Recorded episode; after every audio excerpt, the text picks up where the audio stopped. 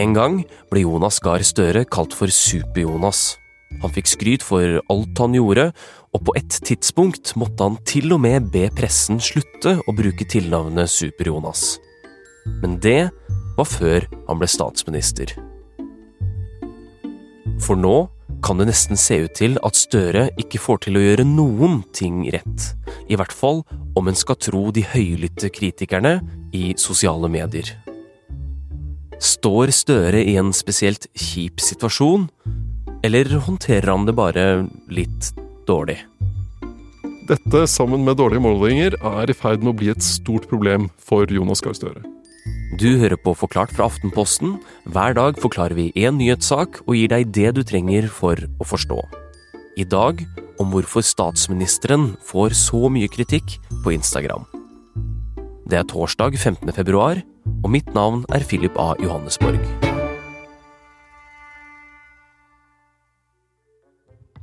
Så det bildet her er han jo midt i Nordmarka.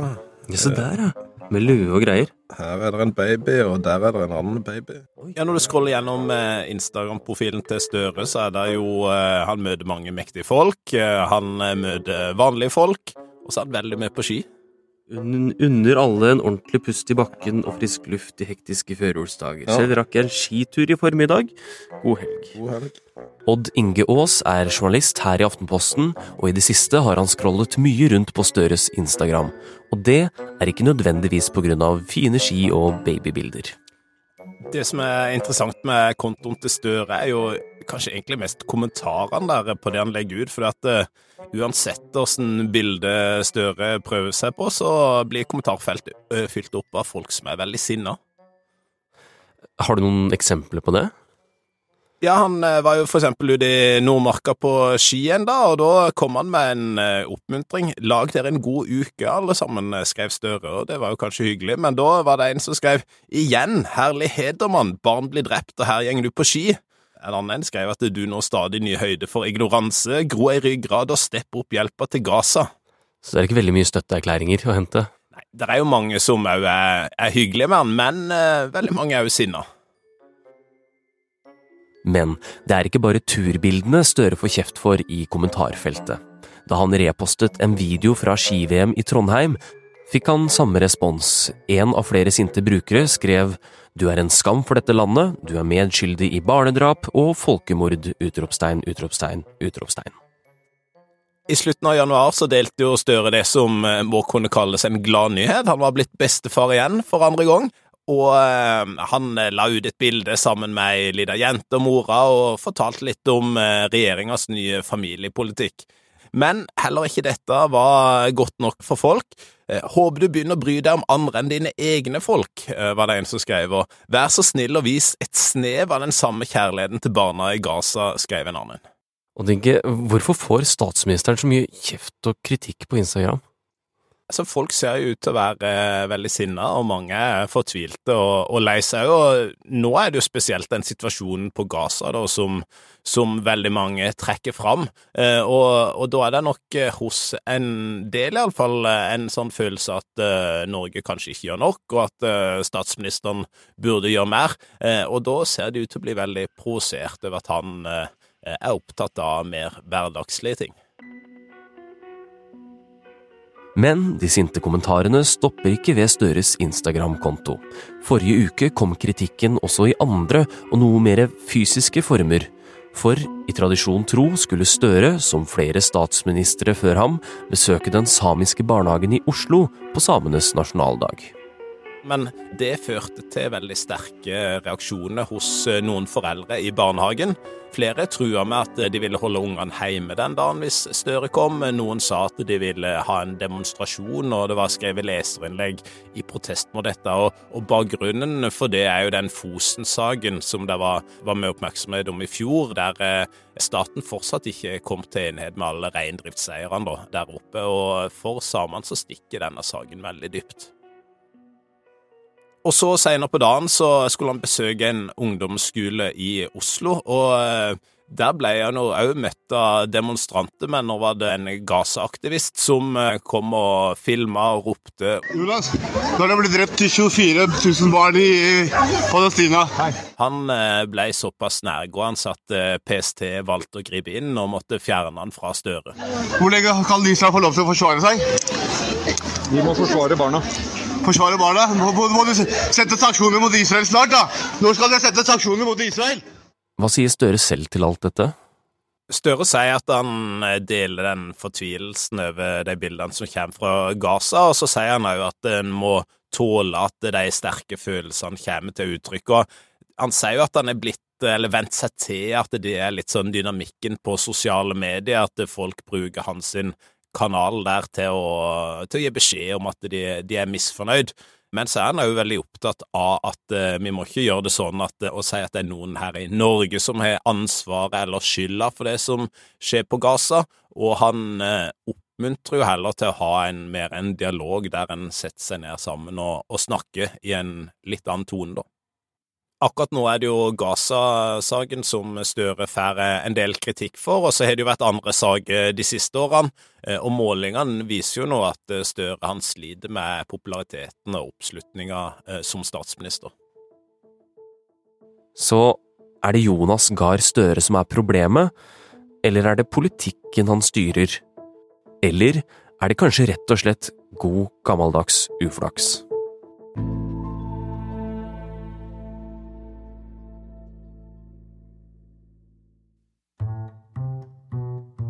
Vi skal ikke så veldig mange år tilbake før vi finner eksempler på at Jonas Gahr Støre ble kalt Super-Jonas. Kjetil B. Alstheim er politisk redaktør her i Aftenposten, og han har fulgt Jonas Gahr Støre siden tiden før Støre i det hele tatt ble politiker. Jonas Gahr Støre har vært på statsministerens kontor ganske lenge. Ikke kontinuerlig, men han begynte der som eh, byråkrat i 1989, embetsmann. Jobbet med forhandlingene om eh, EØS-avtalen, jobbet med forhandlingene om EU-medlemskap, i rollen da som, som embetsmann og byråkrat. Senere så kom han inn tilbake på statsministerens kontor som statssekretær for uh, Jens Stoltenbergs første regjering. Og så fikk vi da Jens Stoltenbergs andre regjering i 2005, den rød-grønne regjeringen, og Jonas Gahr Støre kommer inn som utenriksminister og får da dette kallenavnet Super-Jonas etter ganske kort tid. Hvor populær var han da? Nei, Han ble sett på som veldig kompetent, han greide å håndtere noen eh, kriser på gode måter. Men han var også kontroversiell, særlig rundt karikaturstriden, der han fikk eh, mye kritikk for håndteringen av den. En av de store tingene han fikk til i perioden som utenriksminister, var denne delelinjeavtalen med Russland. Så altså, hvor skal grensen gå mellom Norge og Russland i havet helt i nord? Hvor skal den streken trekkes? Og det tok jo ikke så veldig lang tid før han fikk en større rolle. Han ble partileder i 2014. Jens Stoltenberg skulle til Brussel og bli Natos generalsekretær. Tusen takk. Takk til dere kjære landsmøte som har valgt meg. Og takk til alle som i disse dagene og ukene har sendt meg så mange gode ord. Og det så veldig bra ut for Arbeiderpartiet og for Støre på den tiden, med målinger på over 40% i oppslutning. Jeg står her og gleder meg til det som ligger foran meg. Men mer enn det til det som ligger foran oss. Men så, relativt sakte, begynte nedturen for Støre. Først tapte han valget i 2017. Men jeg spurte deg egentlig hva det var du hadde gjort galt. i Ja, denne men jeg har gjort så godt jeg kan. Og jeg har vært leder for et parti som har stått veldig samlet. En ledelse som har stått samlet. Eh, Og jeg opplever at vi skal gå gjennom dette også sammen. Og sammen kom de på et vis gjennom det, for så kom valget i 2021. Tusen takk! Tusen takk! Og Støre ble faktisk statsminister med ikke så altfor stor margin. Han fikk ikke det flertallet han ønsket seg. Han ville jo selvfølgelig at Arbeiderpartiet skulle bli større, og han eh, ville også ha SV med i regjering, sånn at det skulle bli en flertallsregjering. Det fikk han ikke. Det ble en regjering med Arbeiderpartiet og Senterpartiet, en mindretallsregjering, som da samarbeider hovedsakelig med SV om budsjett og sånne ting. Det som skjedde den høsten 2021, var at eh, krisene begynte å ramle inn døra. Først så fikk de en sånn ekstranummer fra pandemien med omikron-viruset. Ingen syntes det var noe morsomt. Og samtidig omtrent så fikk vi strømpriser som var så høye at uh, folk gråt ved stikkontakten. Og det fikk vi forklaring på senere, hva som skjedde i kraftmarkedet i Europa, med det at uh, Russlands president Vladimir Putin hadde startet en energikrig mot EU-landene ved å holde igjen på gassen. Det visste man ikke der i starten, men man så det noen måneder senere, da, da Russland gikk til fullskalaangrep på Ukraina. Så de fikk også da det å håndtere hele den krisen med, med krig i Europa. Og så er det blitt uh, generelt høyere priser. En usedvanlig høy prisvekst, som har vart lenge. Renter som ble skrudd opp og skrudd opp og skrudd opp, og det eneste som gikk ned, var kronekursen og oppslutningen om regjeringspartiene. Og dette smitter altså over på regjeringen Støre? Ja, Det du ser på den type undersøkelser, der man spør om synet på regjeringen, men også holder det sammen med synet på utviklingen i egen økonomi og landets økonomi, så ser de ut til å henge ganske tett sammen. Og det har vært et ganske kraftig fall i synet på økonomien i landet. Man er mer pessimistiske, både på den personlige økonomien og hvordan det går med AS Norge. Og du kan nesten legge de to kurvene oppå hverandre og se det samme fallet i synet på regjeringen. Betyr det at Støre har et kommunikasjonsproblem, eller er det bare uflaks for ham? Han har jo et kommunikasjonsproblem når han ikke greier å overbevise folk om at her er det en kompetent regjering som styrer landet trygt gjennom kriser når en politiker er i hardt vær, er i en dårlig periode, så blir alt tolket på den negative måten, og vi ser de grå og triste bildene av dem, og ikke de smilende bildene av dem. Så alt sånt forsterker situasjonen, da. Så det handler litt om det, og mye om den situasjonen han er i og skal håndtere, og også om det at han har en regjering med Arbeiderpartiet og Senterpartiet som spriker i eh, hvordan de snakker om en del av de viktige tingene, sånn som energi og forholdet til Europa. Det blir ikke ett budskap fra regjeringen på en del av de viktige områdene, det blir sånn to, og det er ikke så bra. Ok, regjeringen har altså hatt en god del å stri med. Kompliserte saker og katastrofer på rekke og rad. Samtidig så fylles Støres kommentarfelt stadig opp med kommentarer om alt som skjer i Gaza om at regjeringen ikke gjør nok, og ikke minst at han ikke gjør nok. Og det er ikke så rart at uh, mange er veldig engasjert i det, og føler behov for å gi uttrykk for uh, sin fortvilelse og ønske om at det skal skje noe. Det at det kommer frem i hans kommentarfelt, det må, må han bare regne med. Det er uh, en måte folk kan, kan prøve å påvirke politikken og komme med det budskapet de har. Men alle disse kommentarene eh, og de hendelsene som har vært da, i forrige uke, hva slags konsekvenser får det for Støres popularitet, da? Dette er jo en stor sak i mange land. Det vi ser i USA, er jo interessant å se på, fordi der har du Joe Biden, president Joe Biden, og demokratene, som har fått et problem ved at de får veldig mye kritikk fra det som normalt ville være deres velgere for håndteringen av krigen eh, på Gazastripen. Der kan det ha en politisk konsekvens. Det kan ende med at Joe Biden taper valget, og at de får Donald Trump isteden, fordi folk er misfornøyd med at Joe Biden ikke gjør mer for å stanse krigen. Her hjemme så eh, må jeg si jeg er usikker på om det får eh, den type konsekvenser for Jonas Gahr Støre. Noen av de som er eh, kanskje mest kritiske, vil gå til SV eller Rødt, eller noen også til venstre. Det er vanskelig å se de store politiske konsekvensene.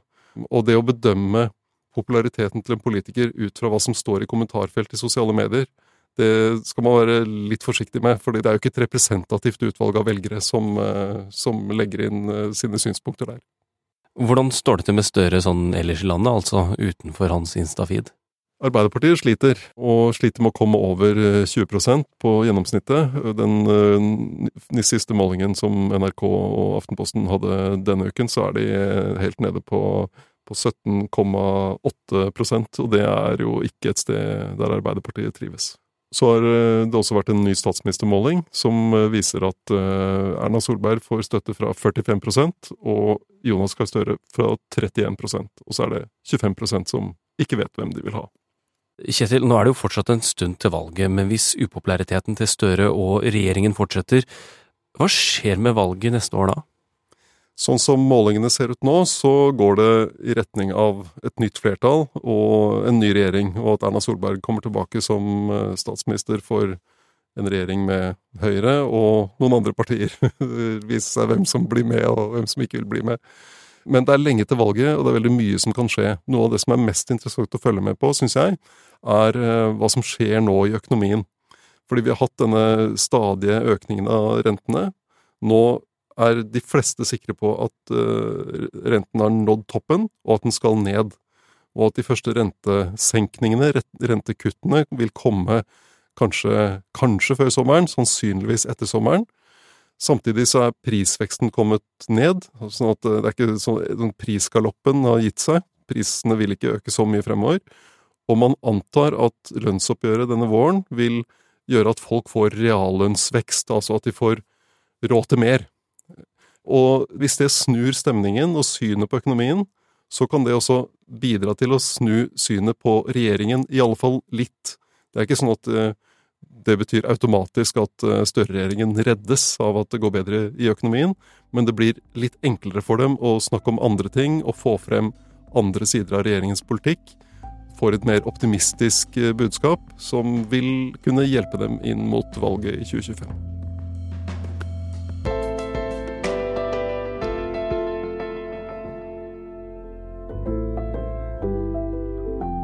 Du har hørt en podkast fra Aftenposten.